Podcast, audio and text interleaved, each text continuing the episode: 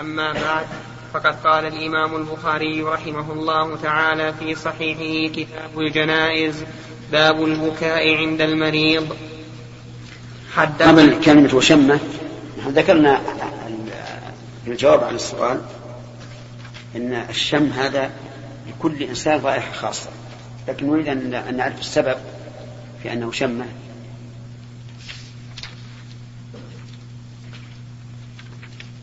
وعند الناس الآن الشمة الشمة من قوة المحبة. إذا يشم ويقول يا حبي يعني الصبي الصغير.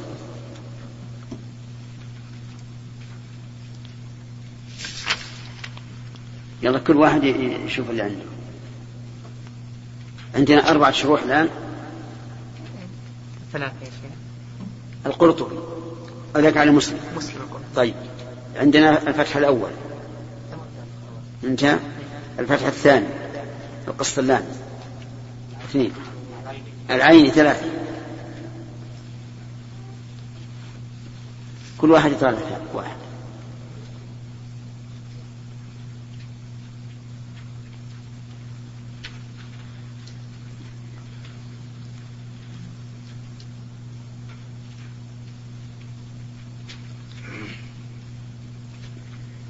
ذكر في العسقلاني بن حجر قال وحكى ابن التيني قول من قال إن فيه دليلا على تقبيل الميت وشمه. إيش إيش؟ وحكى ابن التين قول من قال إن فيه دليلا على تقبيل الميت وشمه. ورده بأن القصة إنما وقعت قبل الموت وهو كما قال. بس ما بس ما ما ذكر شيء. ما ذكر السبب لكن يمكن القسطلاني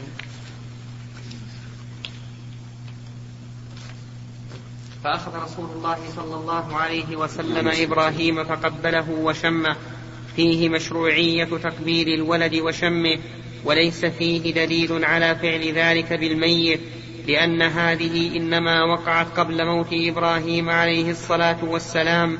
نعم روى أبو داود وغيره أنه صلى الله عليه وسلم قبل عثمان بن مضعون بعد موته وصححه الترمذي. وروى البخاري أن أبا بكر الصديق رضي الله عنه قبل النبي صلى الله عليه وسلم بعد موته فلأصدقائه وأقاربه تقبيله.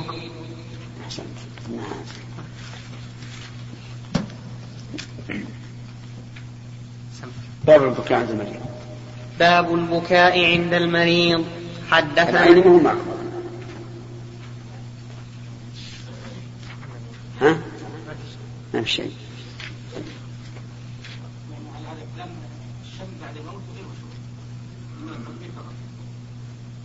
لا هو ما نقول مشروع لكن لا بأس به. لماذا شمه؟ إذا أبطأ ما في شيء إذا أبطأ في الحال تغير. نعم. في شرح الشنقيطي للبخاري. من هو؟ الشنقيطي نعم. للبخاري. نعم. لعلي أراجع الشنقيطي محمد الأمين؟ لا. أحد الشناقطة شرح في كتاب أظن اسمه كواكب الدراري. طيب. عليك به. إن شاء الله تعالى. باب البكاء عند المريض. حدثنا أصبغ. عن ابن وهب قال أخبر أخبرني عمرو عن سعيد بن الحارث الأنصاري عن عبد الله بن عمر رضي الله عنهما قال اشتكى سعد بن عبادة شكوى له فأتاه النبي صلى الله عليه وسلم يعوده مع عبد الرحمن بن عوف وسعد بن أبي وقاص وعبد الله بن مسعود رضي الله عنهم. فلما دخل عليه فوجده في غاشية أهله فقال قد قضى. قالوا لا يا رسول الله. فبكى النبي صلى الله عليه وسلم فلما رأى القوم بكاء النبي صلى الله عليه وسلم بكوا فقال ألا تسمعون؟ إن الله لا يعذب بدمع العين ولا بحزن القلب ولكن يعذب بهذا وأشار إلى لسانه أو يرحم. وإن الميت يعذب ببكاء أهله عليه. وكان عمر رضي الله عنه يضرب فيه بالعصا ويرمي بالحجارة ويحثي بالتراب. البكاء عند المريض ينقسم إلى قسمين. الأول أن يكون المريض لا يشعر بالبكاء كالمغشي عليه فهذا لا بأس به ولا محذور فيه. والثاني أن يكون المريض يشعر بالبكاء. فهنا يجب على الإنسان أن يتصبر وأن لا يظهر أنه يبكي. لأنه إذا فعل هذا فإن المريض سيزداد حزنا ومرضا. لأن المريض قد ضعفت نفسه وهانت عليه. كل شيء يزعجه. والمقصود من عيادة المريض هو تقويته وتسليته وتوجيهه لما ينبغي أن يوجه إليه. نعم. باب ما ينهى عن النوح والبكاء والزجر عن ذلك. يقي قوله وإن الميت يعذب ببكاء أهله عليه. هذه الجملة اختلف فيها العلماء اختلافا كثيرا. منهم من قال إن المراد بالميت ميت الكافر ميت الكفار. ومنهم من قال المراد بذلك الميت الذي أوصى أهله أن يبكوا عليه. هذان قولان الثالث أن المراد بذلك الميت الذي يرى أهله يبكون إذا مات ميتهم ولم ينههم. والله القول الرابع أن العذاب ليس عذاب العقاب. لقول الله تعالى ولا تزر وازرة وزر أخرى. وهذا نص صريح قرآني. فيجب أن يحمل الحديث على معنى لا يخالف القرآن. وقال إن التعذيب يكون عقوبة كعذاب الكفار ويكون ألما أو تألما بدون أن يلحقه ضرر. واستدلوا لذلك بأن النبي صلى الله عليه وعلى آله وسلم قال السفر قطعة من العذاب لأن الإنسان يهتم له. حتى لو كان على طيارة فهو قلق حتى يصل إلى إلى مراده. وهذا أحسن الأقوال. وبه تجتمع الأدلة. وفيه دليل على أن الميت يشعر بذلك أي ببكاء أهله إذا بكوا عليه. وأنه يتعذب من هذا ولكنه لا يعاقب عليه. فإن قال قائل هل المراد بالبكاء هنا البكاء المتكلف أو الزائد عن, مقتضى الطبيعة أو هو بكاء الطبيعة؟ قلنا أما من نظر إلى ظاهر اللفظ فهو يشمل هذا وهذا. ولكن ينبغي أن يقال إن هذا في البكاء المتكلف أو الزائد عما ينبغي. أما ما تقتضيه الطبيعة فإن الله عز وجل أرحم من أن يعذب الميت ببكاء أهله الذي تقتضيه الطبيعة. لأن هذا لا يسلم لا يكاد يسلم منه أحد. نعم. نعم يا سليم لو أحد لو أحد يعذب بعمل الثاني نقلنا أن عيسى يعذب فعل النصارى نعم. لا ما في شك لكن القرآن صريح في هذا سواء عاد صح استدلالك أو لم يصح. لكن القرآن يكفي لا تزر وازرة وزر أخرى. باب ما ينهى وكان عمر شوف الأثر هذا. البخاري علق شوف من رواه قوله وكان عمر هو موصول هو موصول بالإسناد المذكور إلى ابن عمر وسقطت هذه الجملة وكذا التي قبلها من رواية مسلم. ولهذا ظن بعض الناس أنهما معلقان. وفي حديث ابن عمر من الفوائد استحباب عيادة المريض وعيادة الفاضل للمفضول. ولا ذكر معنى, الحديث الأثر؟ ما ذكر.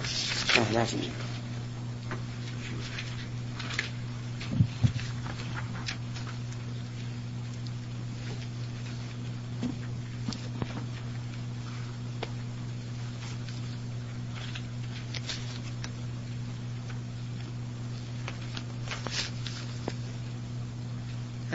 قال هنا وكان عمر بن الخطاب رضي الله عنه فيما هو موصول بالسند السابق إلى ابن عمر يضرب فيه في البكاء بالصفة المنهي عنها بعد الموت بالعصا ويرمي بالحجارة ويحكي بالتراب تأسيا بأمره عليه الصلاة والسلام بذلك في نساء جعفر كما مر. طيب قول إذا يضرب فيه في للسببية أي بسبب البكاء يضرب بالعصا من رآه يبكي ويرمي بالحجارة والمراد بالحجارة الصغيرة التي يحصل فيها التنبيه بدون ضرر ويحكي بالتراب واضح. نعم. عندي مزيد يا شيخ في العيني. قال وكان عمر عطف على لفظ اشتكى فيكون موصولا فيكون موصولا بالإسناد المذكور إلى ابن عمر رضي الله عنهما. أن إنما كان عمر رضي الله عنه يضرب بعد الموت لقوله صلى الله عليه وسلم فإذا وجب فلا تبكين باكيا. وفي حديث الموطأ عن جابر بن بن عتيك وكان عمر يضربهن أدبا لهن لأنه كان الإمام. قاله الداودي وقال غيره إنما كان يضرب في بكاء مخصوص وقبل الموت وبعده. وقبل الموت وبعده سواء وذلك إذا نحن إذا نحن إذا نعم وذلك إذا نحن بدون ألف. نعم وذلك إذا نحن ونحوه قوله ويحثي بالتراب كان يتأسى بقوله صلى الله عليه وسلم في نساء جعفر احث في أفواههن التراب.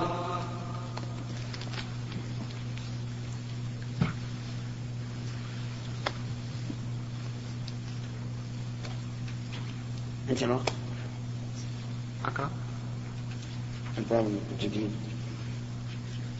باقي عشر ثواني. عشر ثواني. عشرين ثانية. نعم.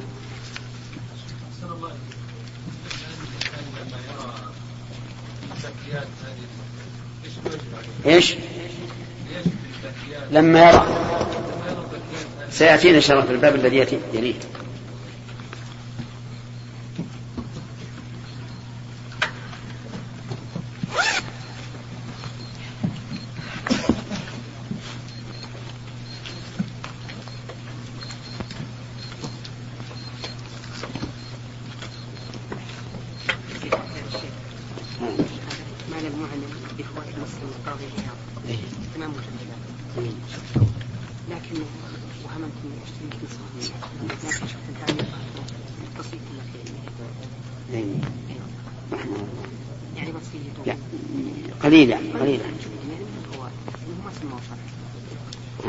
ما سمى الشرح؟ هم حتى الشرح؟ شرح صحيح مسلم هو مسميه بفوائد المسمى وهذا حط الشرح إيه. هو مسمى على بعض الاحاديث يعني كلام مختصر يشبه تفسير المعنى واختلفنا نزل غير في تبديل التحريم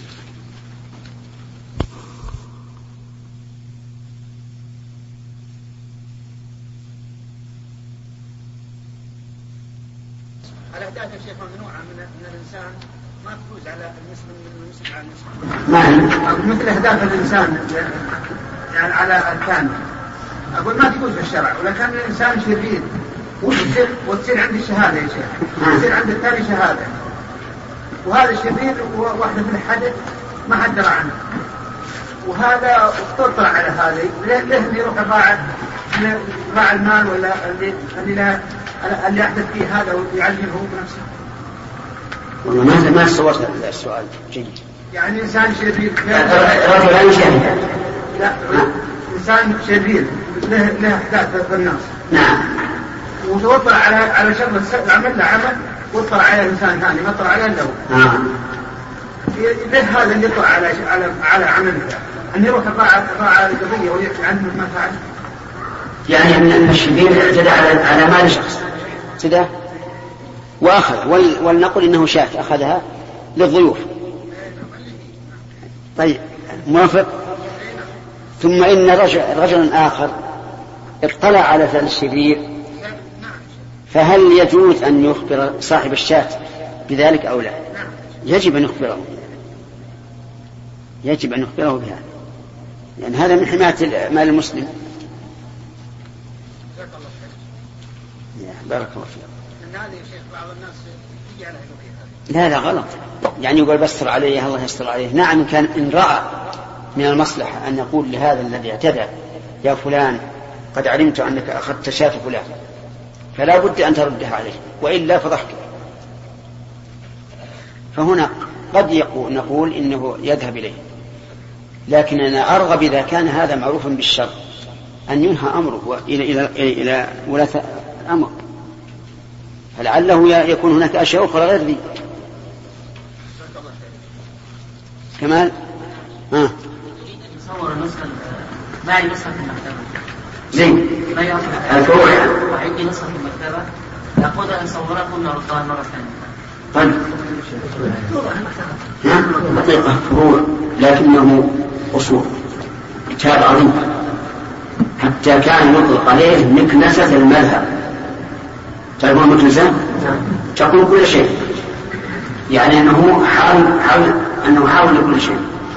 وهو أيضا يشير إلى نوع الخلاف بين المذهب الحنبلي والمذاهب الأخرى. ولو اختيارات قوية جدا.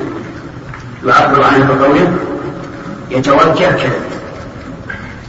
صاحب الغاية غاية من رحمه الله له اختيارات لكن يقول يتجه كذا. بدل يتوجه ولكن إذا نظرت وجدت الفرق العظيم بين اختيارات صاحب الفروع واختيارات صاحب الغاية. نقرأ. نعم. بسم الله الرحمن الرحيم. ها؟ إيه. صحيح. صحيح. أين هو؟ ما في ها؟ ما في. ما وجدت شيء؟ ما وجدت شيء إيه. خير خلاص. إن كانت العصة فنظرت إلى ميسرة. ها؟ طيب يمكن يبحث. كلها مدة يبحث. نعم. لا هو يعني خالد. علي. لا لا عد ثلاثا وثلاثا. وأسأل الله يهديه أنا من الأسبوع الماضي بس. طيب. ورجعت إليها ما وجدتها. لا إن شاء الله. تتبين نعم. بسم الله الرحمن الرحيم. الحمد لله رب العالمين وصلى الله وسلم وبارك على عبده ورسوله نبينا محمد وعلى آله وأصحابه أجمعين. أما بعد فقد قال الإمام البخاري رحمه الله تعالى في صحيحه كتاب الجنائز باب ما ينهى عن النوح والبكاء والزجر عن ذلك. حدثنا محمد بن عبد الله بن حوشب قال حدثنا عبد الوهاب قال حدثنا يحيى بن سعيد قال أخبرتني عمره قالت سمعت عائشة رضي الله عنها تقول لما جاء قتل زيد بن حارثة وجعفر وعبد الله بن رواحة جلس النبي صلى الله عليه وسلم يعرف فيه الحزن وأنا زيد بن حارثة وش صلاته الرسول؟ يحبه. مولاه. جعفر ابن عمه. ابن عمه. فله صلة بهما. الثالث آه، الثالث عبد الله بن رواحة من آه، شعراء النبي صلى الله عليه وعلى آله وسلم. نعم.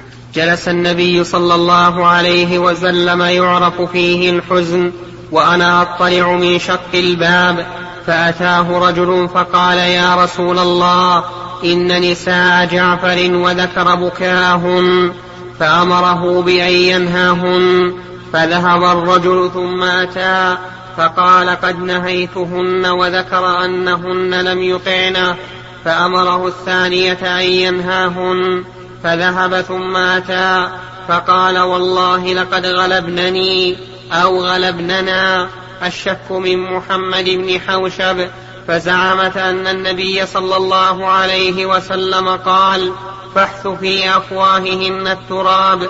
فقلت أرغم الله أنفك فوالله ما أنت بفاعل وما تركت رسول الله صلى الله عليه وسلم من العناء. هذا الحديث فيه فوائد. منها إثبات الحزن لرسول الله صلى الله عليه وعلى آله وسلم وأنه كغيره. يفرح ويحزن ويسر كغيره من البشر. وفيه آية من آيات النبي صلى الله عليه وسلم حيث علم بقتل هؤلاء الثلاثة في حينه وكأنه يشاهد فيقول أخذها زيد فقتل وأخذ جعفر فقتل وأخذ عبد الله فقتل وعيناه تذرفان عليه الصلاة والسلام. وفيه أيضا أنه يجوز للإنسان الحزين أن ينفرد عن الناس في موضع. وهذا هو ما أشار إليه النبي صلى الله عليه وعلى آله وسلم في نهيه أن تحد امرأة على ميت فوق ثلاث إلا على زوج. ومن الإحداث أن ينعزل الناس الإنسان عن الناس ويبعد عنهم لأنه إذا اختلط بهم ربما يجددون له الحزن. كل واحد يأتي يقول أعظم الله أجرك بهذه المصيبة وما أشبه ذلك فيتجدد الحزن ويزداد. ومنها أن بعض الناس استدل بهذا الحديث على جواز على جواز الجلوس للتعزية. وفي هذا الاستدلال نظر نظر ظاهر لأن النبي صلى الله عليه وعلى آله وسلم لم يجلس ليعزيه الناس ولهذا ما عزاه أحد. وإنما جلس كما قلت لكم إيش؟ إحدادا على هؤلاء وحبا للانفراد. ومنها جواز اطلاع المرأة من شق الباب على من في الشارع أو من في المسجد أو ما أشبه ذلك. لأن عائشة كانت تفعل هذا. ومنها أن بيوت النبي صلى الله عليه وعلى آله وسلم لهن أبواب. لقولها من شق الباب. ومنها جواز نظر المرأة للرجال. لأن عائشة تنظر إلى إلى النبي صلى الله عليه وسلم والناس يأتون إليه. يرحمك الله. ومنها أنه لا يجوز اجتماع النساء للبكاء. حيث أن النبي صلى الله عليه وسلم أمر من أخبره عن نساء جعفر بأنهن يبكين أمره أن ينهاهن وهذا دليل على أن هذا الفعل لا يرضي الله ورسوله وإلا لما نهي عنه. ومنها آه أن من الرجال من هو ضعيف الشخصية. وذلك أن النساء غلبنه غلبن هذا الرجل ولم يطعنه ومنها جواز تعزير المخالف بوضع بحثو التراب في في فيه. بقوله احثوا في افواههن التراب. وهذا حق حقيقة. يعني ليس مبالغة في زجهن بل حقيقة أن يأخذ التراب ويحثوه في أفواههن لماذا؟ تعزيرا لهن ليسكتن عن غلبة لأن التراب إذا وقع في الفم فإنها سيغلب على البكاء ومنها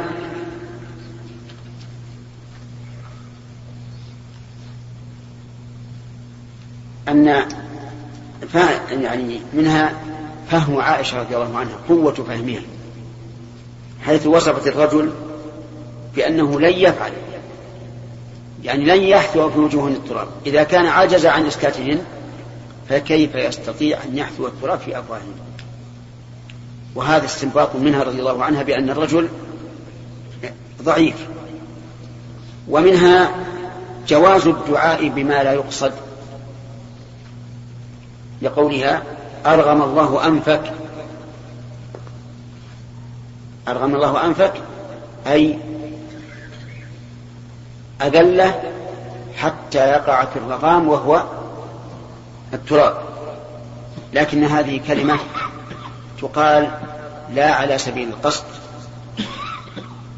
بل على سبيل إظهار الانفعال وعدم الرضا.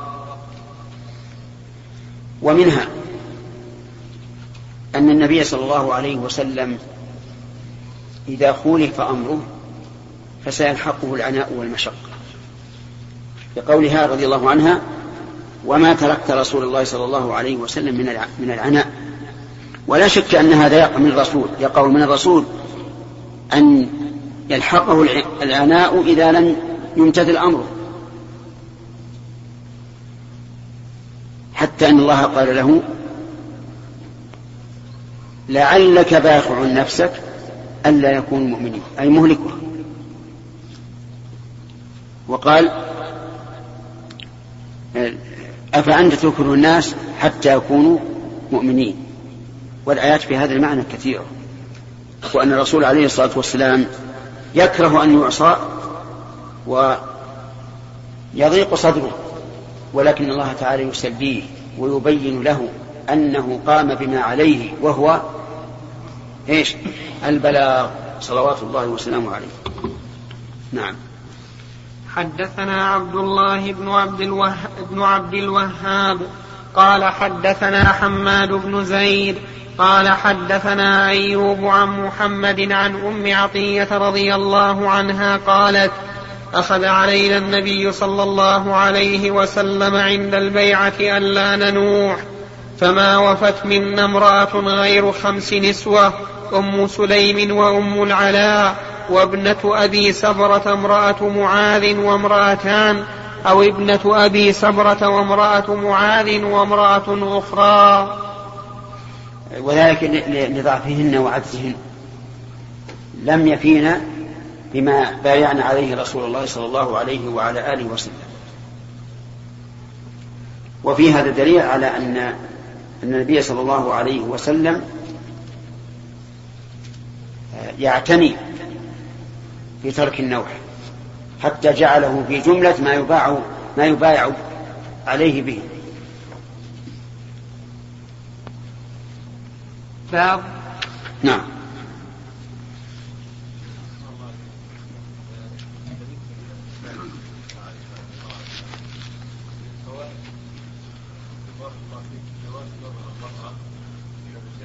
نعم.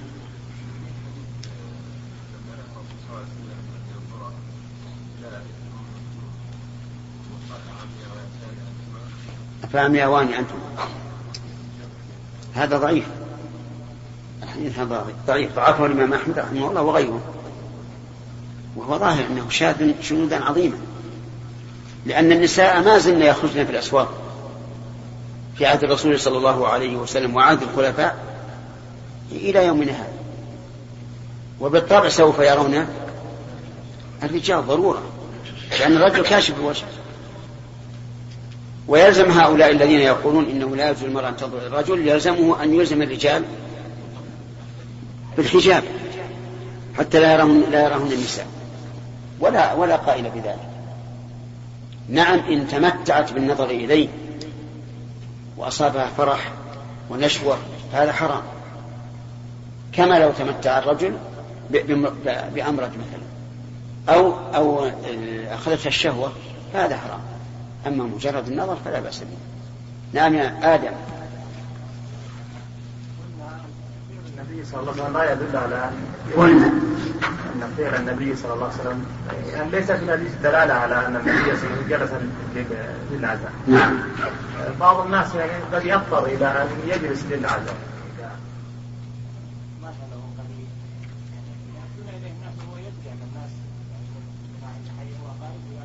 نعم. لكنهم إذا أتوا يا آدم إذا أتوا ووجدوا الباب مغلقا فلن يتسوروا الجدار. أليس كذلك؟ ما يصعب أبدا. أبدا فعلناه نحن والحمد لله ولا صعب وفعله غيرنا أيضا. والناس إذا اعتادوا هذا الشيء ورأوا أنه لا جلوس تركوها والعلماء صرحوا بأنه يكره الجلوس للتعزية وبعضهم صرح بأن هذا بدعة. وإنما يصعب وجه الصعوبة أنه ليس بالمعتاد فقط. وترك المألوف صعب. لكن الحمد لله. إذا استعان الإنسان بربه أعانه الله. ثلاثة؟ يحيى حكم بعض النساء الميت حكم بعض النساء الميت بعد موته مباشرة. يأتي إليه مثلا شخص فيعظهم إذا دعت الحاجة لا بأس. إذا دعت الحاجة كمثل هؤلاء النائحات يعظهم. وأما بدون حاجة فلا لئلا تتخذ هذه سنة سنة راتبة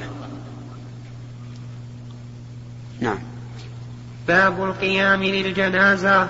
حدثنا علي بن عبد الله قال حدثنا سفيان قال حدثنا الزهري عن سالم عن أبيه عن عامر بن ربيعة عن النبي صلى الله عليه وسلم أنه قال إذا رأيتم الجنازة فقوموا حتى تخلفكم.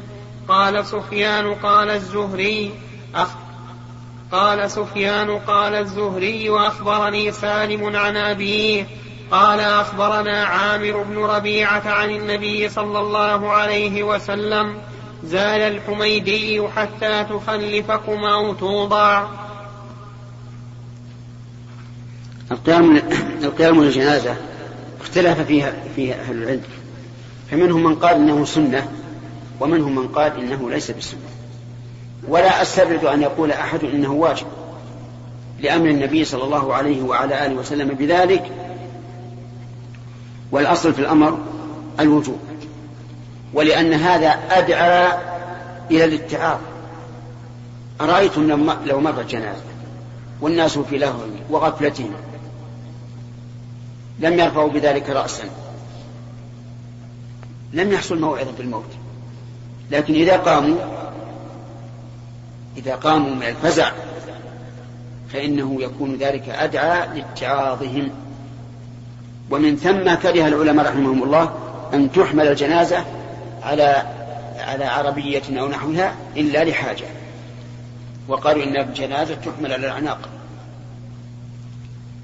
وقول حتى تخلفكم ثم قال في الأخيرة حميد حتى تخلفكم أو توضع شك من الراوي أو توضع. والصواب الأول حتى تخلفكم أي تجعلكم أي تجعلكم وراء أو خلفها يعني وراءها. فأنت قم حتى تمر بك وتعبر. فإذا مرت وعبرت فاجلس. إن شئت وإن شئت فتابع.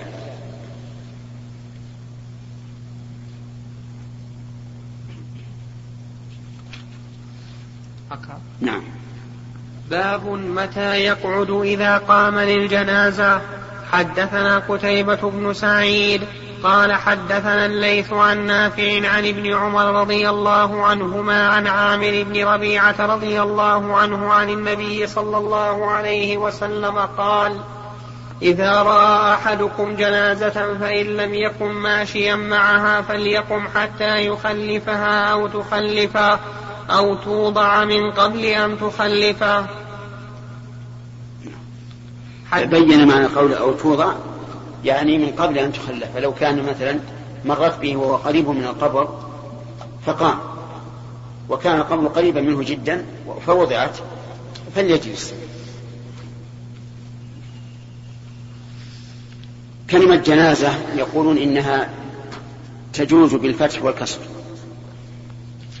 وبعضهم يفرق يقول الفتح للميت والكسر للنعش يعني النعش الذي عليه الميت.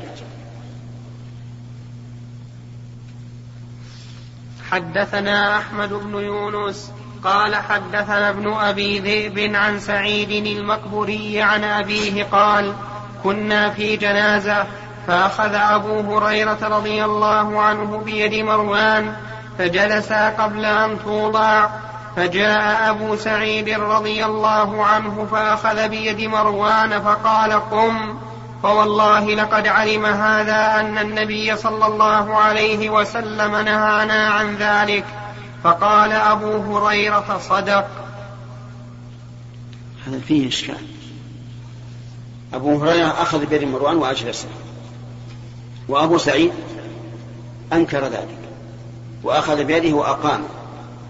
ثم إنه أقسم أن أبا هريرة قد علم بأن النبي صلى الله عليه وسلم نهانا عن الجلوس يعني أمرنا بالقيام. فقال صدق. فكيف يفعل أبو هريرة ما يعلم أن الرسول صلى الله عليه وسلم نهى عنه؟ والجواب أن هذه قضية عين. يحتمل أنه رأى في مروان تعبا ومشقة فأراد أن يجلسه لئلا يشق على نفسه في أمر ليس بواجب ويحتمل غير ذلك. المهم أن أبا هريرة وأبا سعيد كلاهما اتفقا على أن الرسول صلى الله عليه وسلم نهى عن الجلوس إذا مرت الجنازة وأن آه، الأفضل أن يقوم. شوف الحديث هذا في الفتح.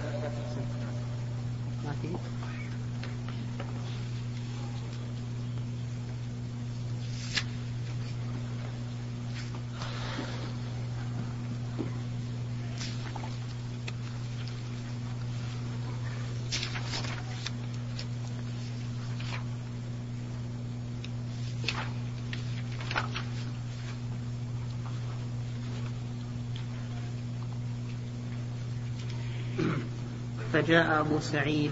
سع... أول أول أول. من أول الحديث. إيه. إذا رأى آه، لا كنا في جنازة كنا في جنازة. كنا في جنازة.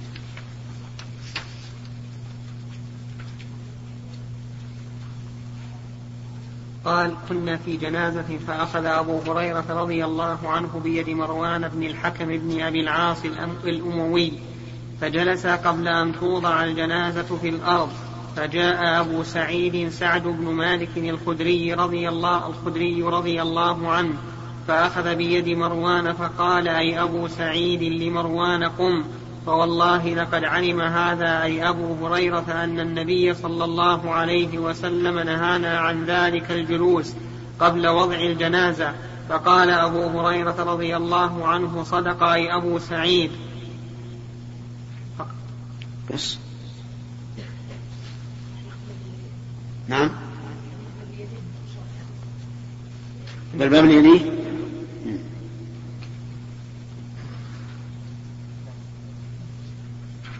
نعم.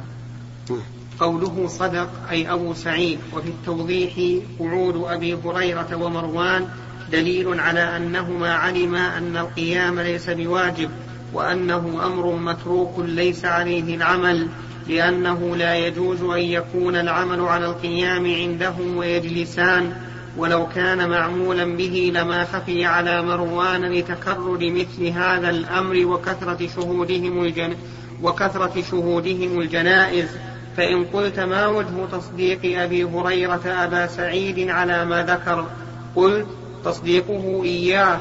لأجل ما علم من النبي صلى الله عليه وسلم أنه نهى أولا عن القعود عند عند مرور الجنازة وعلم بعد ذلك أن النبي صلى الله عليه وسلم قعد فصدقه على ما كان أولا وجلس هو ومروان على ما استقل على ما استقر عليه آخر العمل. لا هذا تحريف نقرأ الباب اللي بعده عشان نشوف هذا من سم. قول ابن ابن حجر. ما اللي قرأت أول؟ اللي قرأت أول. لا هذا العين. العين, العين. هذا العين. واللي قرأت قبله؟ القسطلاني إيه؟ وهذا ابن حجر. طيب أعطني. قوله فإن فإن قعد أمر بالقيام. فيه إشارة إلى أن القيام في هذا لا يفوت بالقعود. لأن المراد به تعظيم أمر الموت وهو لا يفوت بذلك. أما قول المهلب قعود أبي هريرة ومروان يدل على أن القيام ليس بواجب وأنه ليس عليه العمل فإن أراد أنه ليس بواجب عندهما فظاهر وإن أراد في نفس الأمر فلا دلالة فيه على ذلك. ويدل على الأول ما رواه الحاكم من طريق علاء بن عبد الرحمن بن عبد الرحمن عن أبيه عن أبي هريرة. ابن عبد الرحمن أنت وانت أستغفر الله. ويدل على الأول ما رواه الحاكم من طريق العلاء بن عبد الرحمن عن أبيه عن أبي هريرة فساق نحو القصة المذكورة وزاد إن مروان لما قال له أبو سعيد قم قام ثم قال له لم أقمتني؟ فذكر الحديث فقال لأبي هريرة فما منعك أن تخبرني؟ قال كنت إمام كنت إمام كنت إماما فجلست. كنت؟ نعم. كنت إماما فجلست. فعرف بهذا أن أبا هريرة لم يكن يراه واجبا. وأن مروان لم يكن يعرف حكم المسألة قبل ذلك وأنه بادر إلى العمل بها بخبر أبي سعيد. وروى الطحاوي من طريق الشعبي عن أبي سعيد قال مر على مروان بجنازة فلم يقم فقال له أبو سعيد إن رسول الله صلى الله عليه وسلم مرت عليه جنازة فقام فقام مروان. وأظن هذه الرواية مختصرة من القصة وقد اختلف الفقهاء في ذلك فقال أكثر الصحابة والتابعين باستحبابه كما نقله ابن المنذر وهو قول الأوزاعي وأحمد وإسحاق ومحمد بن الحسن وروى البيهقي من طريق أبي حازم الأشجعي عن أبي هريرة وابن عمر وغيرهما أن القائم مثل الحامل يعني في الأجر وقال الشعبي والنخعي يكره القعود قبل أن توضع. وقال بعض السلف يجب القيام. واحتج له برواية سعيد عن أبي هريرة وأبي سعيد قال ما رأينا رسول الله صلى الله عليه وسلم شهد جنازة قط قط فجلس حتى توضع. أخرجه النسائي. تنبيهان. قال الأول قال الزين بن المنير إنما نوع هذه التراجم مع التراجم مع إمكان جمعها في ترجمة واحدة للإشارة إلى الاعتناء بها وما يختص كل طريق منها بحكمة ولأن بعض ذلك وقع فيما ليس على شرطه فاكتفى بذكره في الترجمة لصلاحيته للاستدلال. الثاني قال ثبت بين حديثي الباب ترجمة لفظها باب من تبع جنازة وجد ذلك في نسخة محررة مسموعة فإن سقطت في غيرها قدم من أثبت على من نفى. قال وإنما لم يستغن عنها بما قبلها لتصريحه في الخبر بأنهما جلسا قبل أن توضع.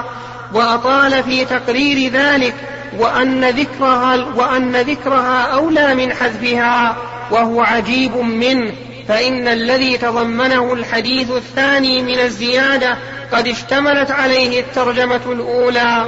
وليس في الترجمة زيادة على ما في الحديثين إلا قوله عن مناكب الرجال وقد ذكرت من وقعت في روايته. قوله أو قوله حدثنا مسلم هو ابن إبراهيم وهشام هو الدستوائي ويحيى هو ابن أبي كثير وحديث أبي سعيد هذا أبن أبين سياقا من حديث عامر بن ربيعة وهو يوضح أن المراد بالغاية المذكورة من كان معها أو مشاهدا لها. وأما من مرت به فليس عليه من القيام إلا قدر ما تمر عليه أو توضع عنده بأن يكون بالمصلى مثلا.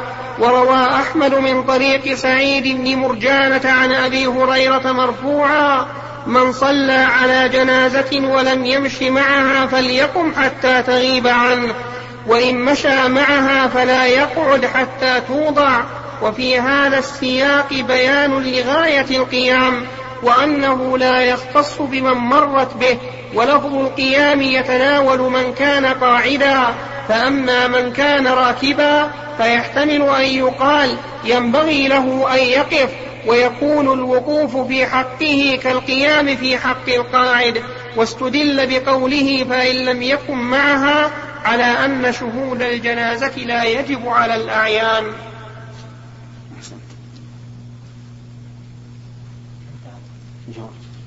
والسلام على أشرف الأنبياء والمرسلين نبينا محمد وعلى آله وأصحابه أجمعين. أما بعد فقد قال الإمام البخاري رحمه الله تعالى في صحيحه كتاب الجنائز باب من تبع باب من تبع جنازة فلا يقعد حتى توضع فلا يقعد حتى توضع عن مناكب الرجال فإن قعد أمر بالقيام حدثنا مسلم يعني ابن إبراهيم قال حدثنا هشام قال حدثنا يحيى عن أبي سلمة عن أبي سعيد الخدري رضي الله عنه عن النبي صلى الله عليه وسلم أنه قال إذا رأيتم الجنازة فقوموا فمن تبعها فلا يقعد حتى توضع. توضع يعني عن مناكب الرجال توضع في الأرض للدفن. أما إذا وضعت لطول المسافة ووضعوها من أجل آه، الراحة فالظاهر أنهم أيضا فلا يقعد لأنها لم تنتهي بعد إلى القبر. بل يبقوا بل يبقوا بل يبقون قياما ثم يستأنفوا آه، يستأنفون الحمل. نعم. باب من قام لجنازة يهودي. حدثنا معاذ بن فضالة قال حدثنا هشام عن يحيى عن عبيد الله بن مقسم